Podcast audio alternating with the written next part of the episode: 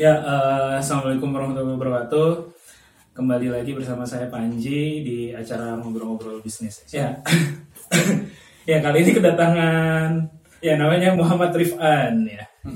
Eh, Rifan ini apa namanya eh, ngerjain ahlinya kopi lah ya kalau bisa dibilang di Indonesia nih. Iya bisa, bisa, bisa sebagai ahli tapi uh, agak ahli segmented ya. Maksudnya ada beberapa bagian yang uh, keahliannya uh, saya miliki gitu. Tapi nggak nggak overall gitu seperti itu.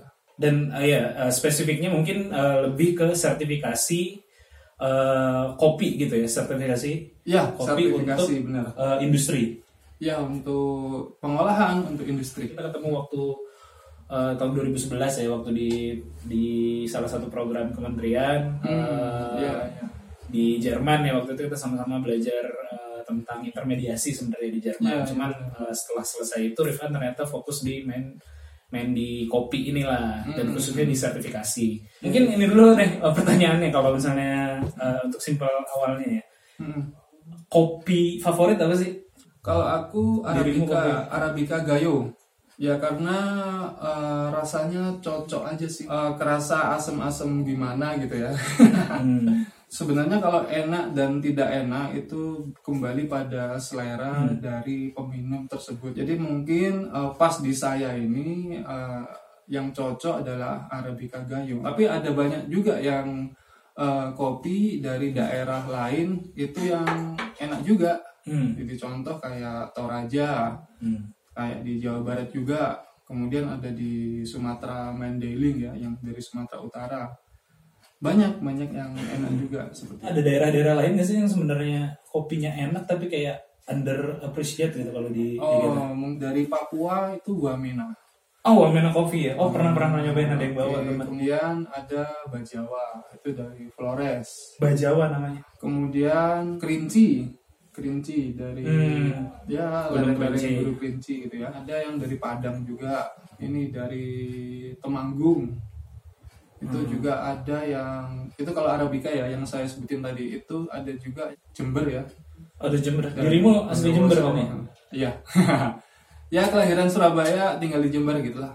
Dan ini ada lagi Kintamani dari Bali. Kopi itu mewakili daerah masing-masing kadang. Hmm. Dan market dari kopi itu menuntut eh, originalitas dari daerah tersebut atau yang Hmm. biasa disebut single origin gitu. Oh. Jadi kalau orang mau minum kopi gayo, ya kopinya harus gayo gitu.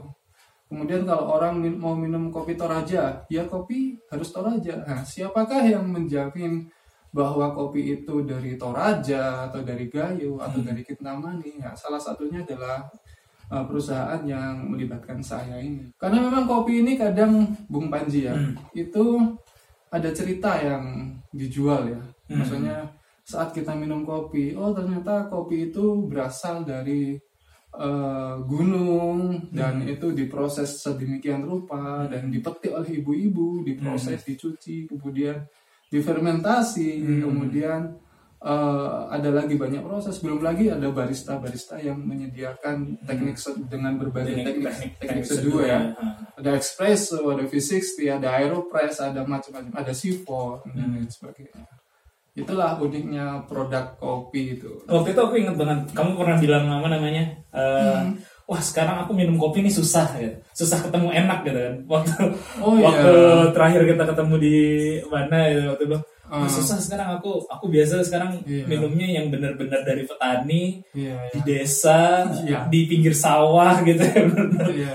Kalau di kafe-kafe justru malah nggak enak gitu. Iya. itu kenapa bisa sampai segitunya tuh ininya Iya, feelnya itu.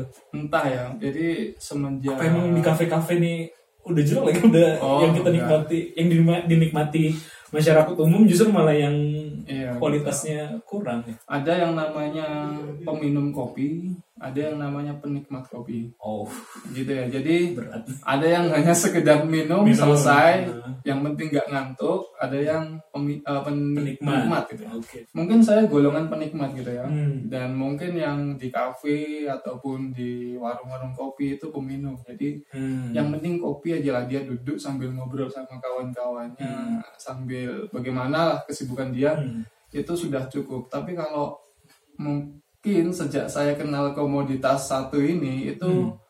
akhirnya saya terlanjur mengenal Hmm. jadi eh, kopi yang apa ya Yang sangat tahu enaknya nih begini yang gitu ya. bagi saya itu sangat enak sangat nikmat gitu ya. kemudian itu bisa saya nikmati gitu ya bisa membuat mood saya jadi bagus kadang saya kalau ke warung kopi karena sudah tahu yang enak itu seperti apa bagi saya itu akhirnya kalau di kafe di warung kopi itu lebih milih pesen jus gitu ya.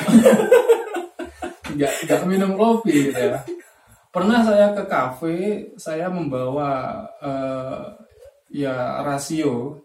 Dan saya harus tanyakan detail ke baristanya. ke baristanya ini kopi apa? gitu ya. Kemudian di roasting di tingkat roasting berapa? Apa medium? Apa light? Apa dark gitu ya kemudian eh, grindernya ukuran berapa gitu ya. jadi kasihan baristanya gitu. Ya. akhirnya Baristanya nggak ngerti lagi. nggak ngerti dia. Jadi dia minta tolong ownernya kayaknya waktu itu. Jadi angkat tangan. Terus saya tunjukkan rasio gilingan sampai di di aplikasi yang untuk penyeduhan. Hmm. oke saya mau dua cup sekian gram airnya sekian suhunya sekian. Jadi Sampai detail ribet. gitu ya. jadi akhirnya mending eh, saya kalau ngopi ngopi sendiri aja deh gitu. Dan kalau teman-teman membawa green bean ya atau kopi ya itu saya lebih memilih kalau bisa nih itu green bean aja. Oh, kalau di- iya. Semalam kita eh kemarin kita dikasih sama iya. seorang kawan ini ya apa eh, udah ros udah ini ya. roast, udah roast. tapi ya nggak udah apa-apa roast. namanya dikasih namanya juga yang penting dikasih. Namanya dikasih ini jadi repot juga ya sebenarnya. Iya, pernah nggak kedatang ke kafe tuh bawa green bean gitu? Atau bawa paling nggak yang udah di roast lah Eh, jadi minta seduit minta atau punya mesinnya kan punya di rumah punya? kalau biasa kalau untuk kepentingan pribadi saya saya ada langganan tempat roasting kopi gitu. Oh, di Jember ada di Aceh ada gitu langganan. Jadi saya semacam saya minta ukuran sekian sekian Oh, sekian spesifik ya. Ah, spesifik. Karena memang sekali roast itu nggak bisa sedikit ya satu kilo itu pun paling sedikit. minimal satu kilo gitu ya. minimal satu kilo dan tahu kan hanya satu seduhan itu hanya berapa gram jadi satu kilo itu hanya udah udah lama gitu jadi Oh. saya nggak nggak beli mesin mesin roasting sampai sekarang memang Hmm. terus kalau eh, gilingan itu juga di tempat roasting itu ada menerima jasa gilingan ya pernah memang ji jadi saya membawa bean sendiri waktu ingin ngopi di situ. Tapi memang di cafe itu memang punya punya apa ya alat roasting gitu memang menerima. Hmm. jadi saya sekalian minta udah buat Tolongnya, buatin saya kopi dari ini juga sekalian seperti itu sih. Bayar itu tapi kan bawa kopi sendiri. Ya dia bayar, Bayar jasa, ya. bayar apa lah dia Ya, ya. tanya aja berapa dia sebutin kita bayar gitu nah sertifikasi ini tadi kan mungkin sedikit udah di dijelasin ya Jadi intinya yang kamu lakukan adalah mensertifikasi kopi agar tadi bisa berlabel single origin gitu. Atau bukan? itu salah satunya ya jadi dari aspeknya itu ada ada Hmm. salah satunya adalah terkait ketertelusuran itu tadi Nah, single origin tuh tertelusur apa Mm-mm. eh, benihnya bener nih, Nah, prosesnya jadi bener gitu. bijinya benar dari situ gitu intinya kalau dia si Oh, kalau single origin tuh bener-bener harus ditanam di daerah situnya juga. Ah, semisal kalau dia jual Sumatera, ya dari Sumatera harus Sumatera Mandailing Hmm. grade 1 misalnya. Ya kita eh, dari dari proses sertifikasi kita itu harus eh, orang yang mengajukan sertifikasi ke kita itu kita audit, kemudian dia harus dapat membuktikan bahwa eh, ada sistem ketertelusuran yang berjalan dalam rantai supply chain dia.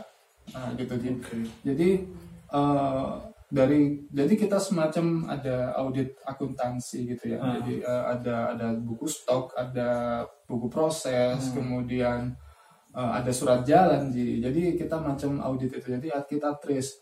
Kemudian ada eh, dokumen apa ya semacam ekspor ya. Kalau Hmm. kita mau ekspor ada satu set dokumen eksporan. Semisal kit- ekspor itu harus semisal kontrak berbunyi Sumatera grade sekian gitu ya. Hmm. Ya dan itu harus bisa kita buktikan dari petani yang yang sudah terdaftar dalam aplikasi yang diajukan ke kami gitu. Hmm. Jadi eh, itu, tapi itu masih salah satunya Ji. Ada Iya. banyak penilaian lagi yang Iya, yang yang di, diaplikasikan ke klien kami dan itu juga bergantung dari program yang dia ikuti. Jadi ada banyak program sertifikasi seperti itu. Tergantung pembelinya sih. Hmm. Tapi rata-rata di Eropa, Amerika, Jepang itu menerapkan eh, sertifikasi lah Hmm. untuk apa ya istilahnya eh, mengikuti regulasi mereka juga.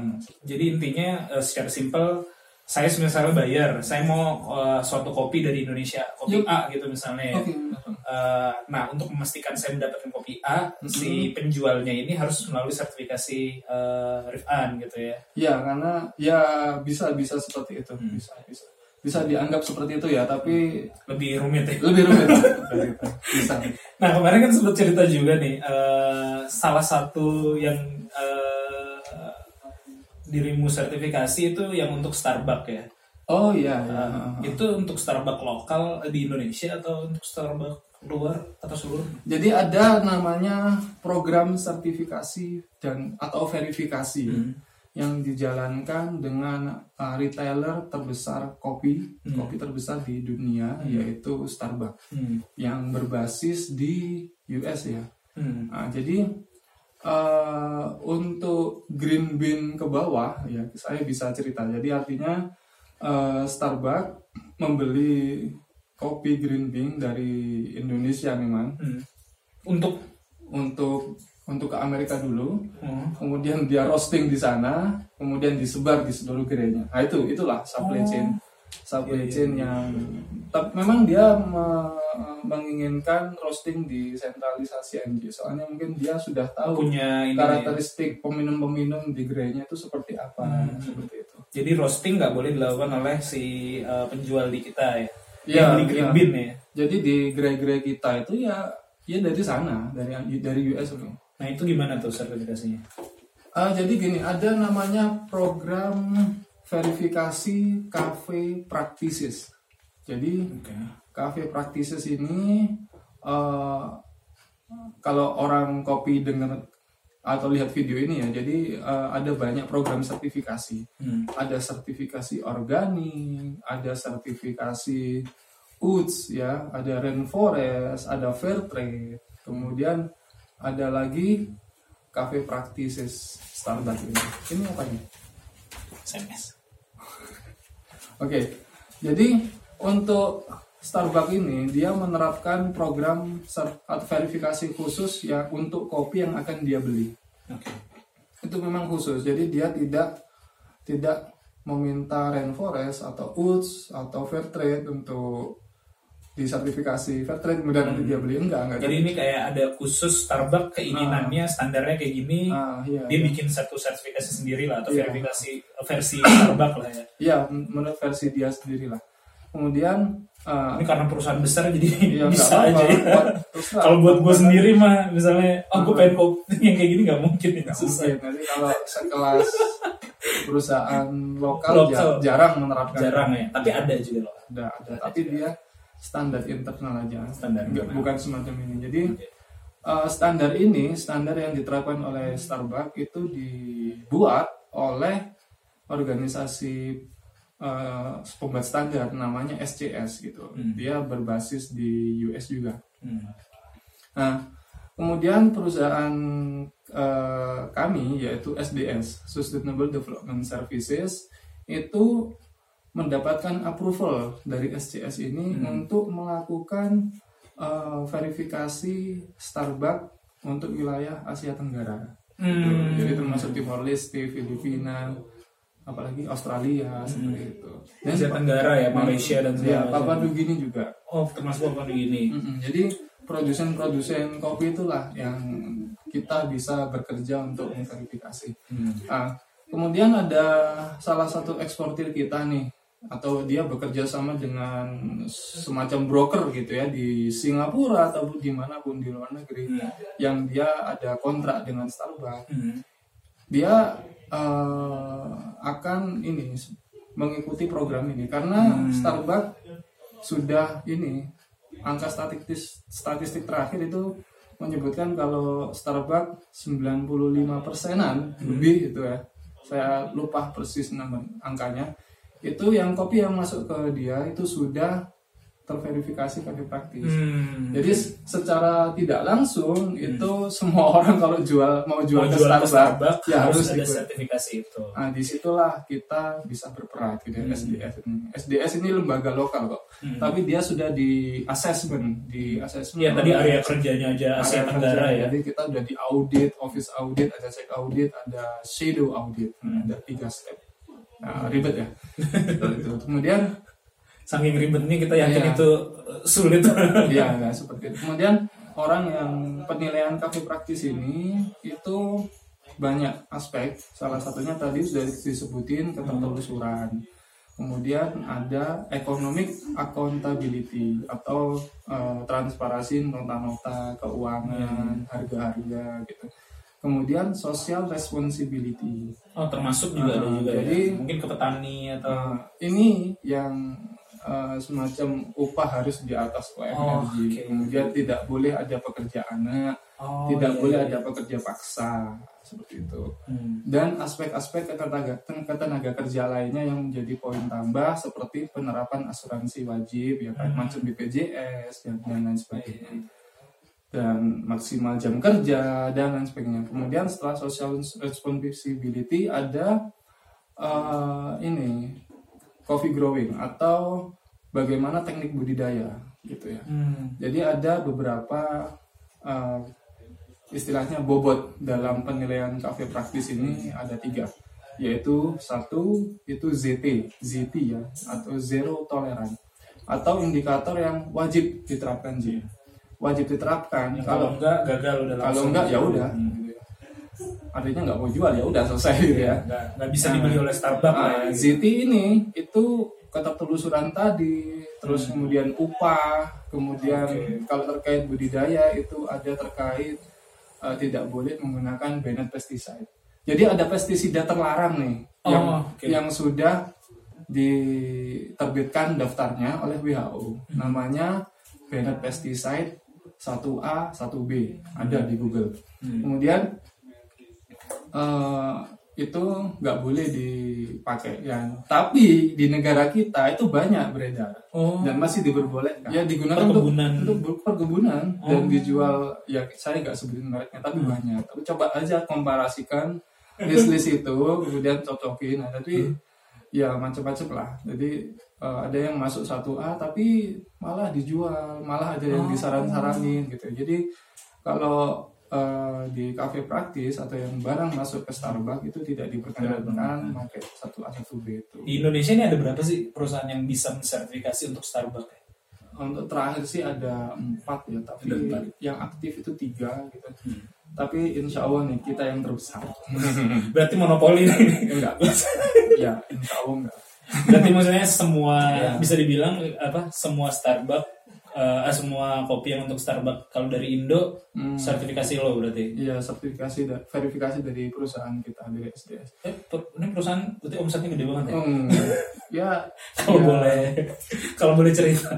ya gimana ya? Iya gede ya. Misalnya itu kan baru satu channel ya, baru satu sertifikasi dari Starbucks. Padahal Hmm. untuk ekspor banyak juga yang minta sertifikasi kan. Iya ada sih banyak, banyak.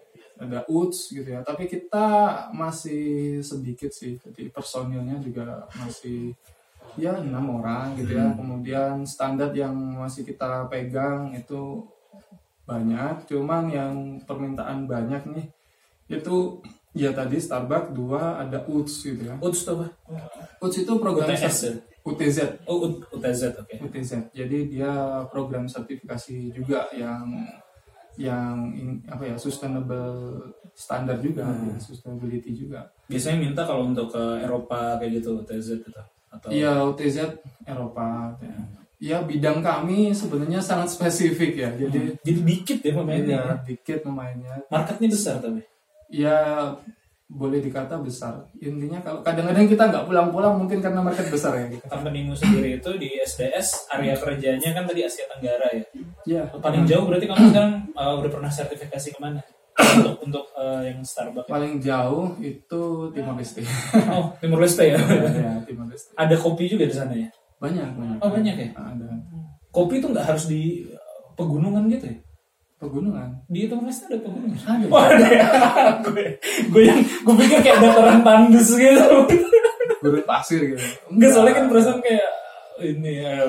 Saya tapi memang kalau di Timor Leste itu ya kalau dari tanah memang tandus sih tapi memang kayak mineral ya tapi bahan organiknya kurang tapi kalau di kopi. tapi dia memiliki curah hujan yang cukup dan Oke. ketinggian yang cukup jadi at least tumbuh kopi lah tumbuh di sana ya. Oke oke. program sertifikasi itu Nji atau kita kerja audit auditor nih sebenarnya aku auditor ya Hmm. tapi siapa sih yang suka diaudit itu Nji? lo suka Ah, nggak diaudit iya sih. Kayak yang ribetin gitu ya jadi sebenarnya. kata orang pun persatuan apa ya persatuan atau perkumpulan orang yang mencari salah gitu ya Iya. jadi auditor itu seperti itu Hmm. jadi ya alhamdulillah meskipun kita membawa keributan tapi sudah apa ya istilahnya ini demi kebaikan semua Iya, betul, betul. kalau produk tersertifikasi itu ya secara hukum Terjamin lah ya. Iya, secara hukum itu sudah apa ya? Secara nggak langsung itu sudah lebih baik daripada non sertifikasi seperti itu. Jadi ada lembaga pihak ketiga yang sudah menjamin eh, produk Bahwa- itu sudah mengikuti kaidah-kaidah tertentu. Kayak sertifikasi halal MUI lah ya Ah, gitu. sudah. Berarti orang makan udah udah nggak khawatir lagi. Khawatir. Jadi kita memang menawarkan apa ya layanan, tapi juga kredibel gitu loh. Jadi independen gitu ya. Jadi nggak ya namanya auditor lah. Jadi nggak nggak boleh harus profesional. Profesional, oke. Kita temukan yang harus kita catat, kita putuskan. Kalau mereka melanggar ya Oh, Oke. Ada berapa, berapa lama sih sertifikasi ini? Misalnya kalau gue petani gitu, misalnya gue sertifikasi, oke lah gue lolos, tapi besoknya gue langgar gitu. oh, Atau ada ada monitoring ada setelah- monitoring ada ada monitoring juga. ada monitoring. Dan sertifikat eh, sertifikasi ini berlakunya berapa lama nih? Macam-macam tuh macam-macam. Oh. kalau macam Starbucks ini dia mengacu pada skor dan masa panen. Itu bisa lebih dari setahun bisa dua tahun gitu. Oh, kalau gitu. Jadi memang kalau- ataupun bahkan lebih itu ter- tergantung skornya, dia bagaimana dan mungkin tergantung juga uh, hubungan dia dengan Starbucks juga nih. Jadi kayak bagaimana apa kontraknya atau apa. Iya, nanti iya. mereka bisa nego sendiri atau Iya, enggak iya. terserah. Terus kalau ada banyak standar itu yang sistemnya tahunan. Hmm. Jadi per tahun kita datang ke sana, per tahun kita datang ke sana. Enak banget ini ya bisnisnya ya sebenarnya. Ya nggak tahu juga sih enak Ya, maksudnya artinya repeat customer udah pasti karena tiap tahun mereka butuh sertifikasi. Iya sebenarnya bisnis kan anu ya. Terus secara secara secara market market gede pemain cuma empat. Ibaratnya Iya. paling enggak empat 100% bagi empat 25% on eh, dimiliki gitu kan kalau hitung-hitungan ini. Apalagi tadi yang aktif cuma sedikit. Gitu. Luar biasa. Nggak tahu nih mungkin klien kita eh, khususnya untuk Starbucks nih mungkin lebih apa ya loyal. langgeng. Oh, alhamdulillah. Karena Berarti lo kalau ke Starbucks gratis nggak? nggak nggak ngaruh nggak ngaruh gitu nggak ngaruh kita pun saat pelatihan bukan ya nggak ngaruh Jadi kayak ini gue lo yang sertifikasi Oh, ya. gitu loh, ya. Sombong-sombong gitu nggak apa-apa. nggak ngefek Oke, kalau sertifikasi pernah ada yang nggak lo lulusin nggak? Atau ada oh, ada ya? Ada. Jadi kayak misalnya ya kali kan permainan gitu di Iya. lobby-lobby. ada Enggak ya? ya kita harus anu sih Profesional, profesional, jadi oke. enggak kita ada Kalau ada- dia salah ya berarti emang nggak lolos. Emang nggak Dan itu itu jadi ini juga kan jadi masukan ya. Mm-mm. Anda nih kurang di sini sini sini sini. ya sebenarnya kalau apa ya pikiran ter, disikapi dengan pikiran terbuka Iya. Kami ini layanannya untuk continue improvement atau Oke. perbaikan berkelanjutan Ji. Hmm. Kalau disikapi terbuka, kalau disikapi dengan pikiran yang sempit, Hmm. kita akan disalah-salahkan gitu. Hmm. Padahal standar yang menentukan seperti Oke, itu. iya. Jadi, bukan ini kan cuma bukan- hanya bukan kita. auditor aja lah harus Ah. menyesuaikan dengan yang itu. Nah, jadi bah seninya di situ sih pekerjaannya. Tapi kalau Ada nggak yang mencak-mencak klien? sebenarnya kalau ada ada ada, Ada, aja sih ada aja sih Gak lolos nih gue nih gara-gara dia nih. Misalnya deal ekspor harusnya nggak dapat gara-gara nggak lolos sertifikasi jadi nggak deal kan Iya itu sih. ngeri juga ya. Iya sih kalau satu, satu kontainer itu udah berbicara M ya kan. Hmm. Ya, ya itu resiko mereka di bisnis. Jadi itu bukan Salah sendiri ya. bukan urusan saya sebetulnya. Jadi ya ya tapi kita kalau ya tadi sekali lagi kalau open mind dan gini meskipun ya ini yang kalau yang dengar ya jadi meskipun pelanggaran anda berat misalnya Hmm. ataupun sangat berat gitu, Hmm.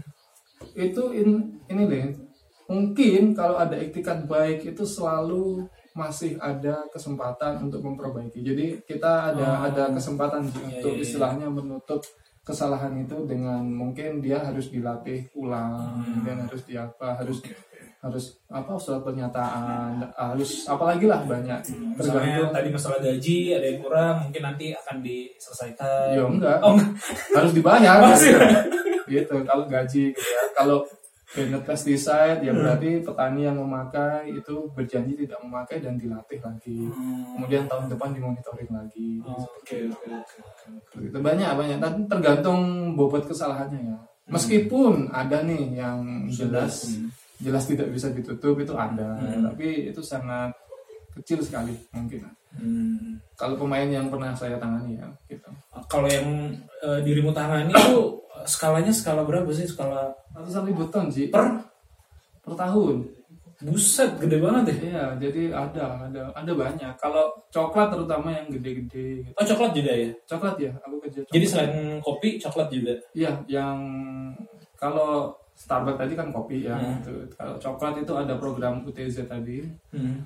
Kemudian saya juga pernah kerja verifikasi untuk eh, ini rempah-rempah nih, pala gitu ya. Hmm.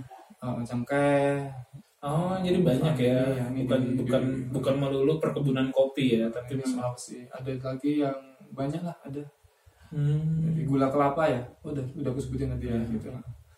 Oh, gitu. Jadi rata-rata nih untuk penjaminan mutu ya untuk sekarang sih mereka memang mengarah ke sertifikasi karena eh, tuntutan di bisnis Iya, mereka. pasti sih ya. Jadi, karena kalau dia nggak memiliki sertifikasi itu mereka tidak bisa eh, melakukan perdagangan internasional ya. Jadi karena perda- eh, pembeli di luar sana itu sudah mengarah pada pembeli yang uh, sustainability iya, ya. Jadi memperhatikan barang selain barang barang yang aku beli nih tidak boleh memperlibatkan tenaga di bawah umur dan lain sebagainya. Soalnya kan banyak cerdas lah ya, bukan cuma murah Ah. ya. Bukan ketemu murahnya aja atau ih bagus nih barangnya murah gitu. Bukan Dan dengan sertifikasi ini bagi mungkin bagi yang penjual atau petani atau pengekspor dari Indonesia Hmm. harganya jadi berlipat ya ketika udah oh iya aku sudah tersertifikasi ini harganya jadi naik ya. Eh, bis ada beberapa kasus yang seperti itu, ada beberapa kasus yang ada nilai tambah tapi non cash. Seperti premium ya. Ya cash juga sih, tapi di- Jadi jadi premium coffee gitu ya. Maksudnya nilai premium itu mungkin dibagikan include dengan harga mungkin naik seribu gitu ada yang Seribu per kilo. seribu per Ya kilo lumayan kalau ratusan ribu ton ya. ya juga sih kemudian ada yang eh, diwujudkan dalam bentuk dukungan alat-alat pertanian Ji jadi ada yang orang-orang itu dibantu ya cangkulnya ya alat babat rumput ya ya dikasih pelatihan Ji jadi Hmm. Jangan disikapi mengikuti sertifikasi ini keuntungannya langsung cash finansial enggak Hmm. enggak bisa langsung gitu kalau kita berpikir pendek iya bisa aja karena produk ini berkemungkinan terjual gitu ya daripada produk yang konven gitu seperti itu nah tapi kalau mengikuti sertifikasi kita memiliki pengetahuan yang lebih dari petani-petani atau supplier-supplier yang konvensional seperti itu. Hmm. Jadi memiliki pengetahuan yang lebih itu dulu. Hmm. Jadi pelatih eh, petaninya harus dilatih, kemudian eh, akhirnya petaninya juga pinter, terus petaninya juga semangat untuk budidaya. Kalau kopi mungkin nanti lebih semangat pangkasnya, terus kemudian merawat kebunnya lebih semangat. Kemudian kalau hasil kebunnya meningkat, itu kan nanti jadinya cash juga Iya, hasilnya. jadinya cash Jadi seperti itu, nggak langsung direct direct cash ya. saya saya habis audit nih dapat duit nggak nggak nggak seperti itu juga intinya peningkatan kualitas tadi. Penikmat kopi itu kalau di Indonesia lebih banyak eh, kopi Indonesia banyak dinikmati oleh Indo- orang Indo sendiri atau orang luar sih kebanyakan. Kalau Arabica sepertinya orang luar, tapi sebenarnya robusta juga sih. Tapi meskipun ada beberapa perusahaan yang dia import dari Vietnam, Hmm. dari Vietnam. Tapi itu karena masalah harga aja sih. Ya. Ah, perusahaan Indonesia impor dari Vietnam. eh, Oh ada juga ya. ada juga ya. Padahal kita penghasil robusta Iya. Mm. Itu karena harga ya. mungkin ya kadang masalah mungkin harga di tingkat lokal terlalu mahal kemudian harga di Vietnam karena mungkin lebih murah gitu ya karena estimasi yang tinggi gitu Iya, iya, iya. tapi cita rasa tetap eh, sebenarnya kita bagus sih. Nah tapi ya kan banyak yang bilang kopi Indo nih emang paling enak kan. Contohnya kayak Java tadi atau Iya. Gayo. Gayo kan termasuk favorit. Beberapa teman-teman juga eh, di Eropa tuh oh iya gue dari Indo nih. Oh iya kopi Java atau Gayo. Pasti Ah, terkenalnya iya, kayak iya. gitu sih. Ya ya yang yang ini ya yang kayaknya memang di Iya. sana mungkin mahal kali ya Wah, kayaknya range harganya jauh ya antara jauh yang, ya. yang dijual lokal dan yang di kita kita ngopi mungkin eh, kalau saya di Takengon di Gayo ya Hmm. itu dua puluh ribu udah ngopi enak itu maksudnya kalau oh lo ngopi di sono langsung ya ngopi di dan sana. itu terjamin dan, dan aja ada sembilan sembilan apa sepuluh ribu rupiah gitu Hmm. ada kopi itu udah enak ya kopi hitam biasa itu udah enak kalau kita ngopi di luaran dua Iya. dua US itu ya paling murah Iya, itu itu kecil murah ada, banget ya. Ada yang mungkin lima sekarang gitu Lima gitu ya. Satu- satu euro. satu cup. Lima dolar. Nah, jadi mahal kan? Mahal satu ya. Hmm. padahal satu kilo satu kilo grade 1 arabica itu nggak tahu ya fluktuatif. Ya kisaran harga 75.000 sampai 85.000 per kilo grade A tuh grade nomor paling wahid tuh. Ya grade 1 lah. Grade Nah, satu. ada lagi double Oh, ada lagi. ada tapi yang pada umumnya segitulah. Itu sekilo tujuh puluh lima ribu. Ya ada yang 85 tergantung fluktuatif pasar ya. Eh, itu apa ya istilahnya? Satu kilo itu udah jadi berapa cup iya ya paling Udah cuma banyak berapa sendok aja kan berapa gram. satu sendok udah berapa gram. Jadi sebenarnya ya bisnis kafe juga prospek sih. prospek ya makanya banyak sekarang menjamur. Dan peminum kopi banyak yang beralih ke penikmat kopi. Jadi Ah, nggak hanya so. orang minum aja ya sekarang banyak orang yang pengen Enjoy. kopinya enak dapat dinikmati. Terakhir mungkin tadi kan kopi harganya segitu. Kopi paling mahal berapa sih yang pernah atau ada sih yang per kilonya? lah yang menang kompetisi banyak yang mahal-mahal. Ada yang 600 ribuan ada yang 700 ribuan. Per kilo. Per kilo. Ada yang 200 ribuan. Itu contohnya apa tuh? Yang enam ratus ribu tuh apa entah ya yang menang kompetisi waktu itu. Kalau yang ini yang proses ya. Yang yang bukan dari kompetisi itu itu wine. Itu uh, 200 Wine? wine coffee. Wine kayak wine Ah, enggak bukan wine minuman Anggur, keras bukan ah. bukan Bukan dari anggur. bukan Ah. tapi dia proses dari biji merah kopi itu Hmm. kemudian diperam uh, sekian minggu kemudian kopinya dijemur digiling jadi semacam getahnya itu meresap ke biji kopinya gitu Oh. Tapi itu bukan minuman keras sih ya saya juga itu beberapa bukan minuman keras. Soalnya pakai di karena alkoholnya menguap saat di roasting Ji. oke. Aku minum di Aceh nggak apa-apa. Nggak mabok. Ya mungkin lo udah biasa mabok. Oh, maksudnya bukan mabuk juga. Oh, enggak maksud oh di Aceh soalnya syariah ya. Nggak nggak ada yang ribet gitu ya. ya at least aku nggak bisa nggak bisa ngomong halal juga karena kalau halal aku harus berapa itu tersertifikasi harganya? Ya. berapa harganya? Kemarin 250 dua ratus 300 ribu per kilo. Per kilo. Dan itu green bean ya. Wine coffee. Wine coffee. Oh, ada honey honey honey kopi madu itu ada juga itu perbedaan proses macam proses ya semoga video ini membantu ini ya istilahnya eh, pemerhati kopi atau eh, ya mungkin yang ada yang dengar kelompok tani gitu ya kayaknya nggak mungkin sih nggak mungkin ya, nggak mungkin ya. tapi kali aja ya. jadi ada orang untuk googling oh ya ada Pak Rifat gitu ya. kemudian eh, untuk peminum kopi ya, ya pastikan anda meminum kopi dari petani kopi yang tidak menangis. Jadi uh, pastikan seperti itu. Kalau anda sudah ada semangat untuk memastikan anda akan mengerti bagaimana uh, petani itu uh, ya susah gitu ya. Senang juga harus dihadapi dengan legowo itu bahasa. Jadi Anda akan mengerti kenapa minum kopi itu harus mahal seperti itu karena memang eh, petani kopi membutuhkan itu harus merawat kebun harus ya harus mendapatkan nilai tambah untuk keluarganya dia gitu. pastikan tidak membuat petani kopi menangis seperti itu Sekian ya dari kami. Assalamualaikum warahmatullahi wabarakatuh. Thank you.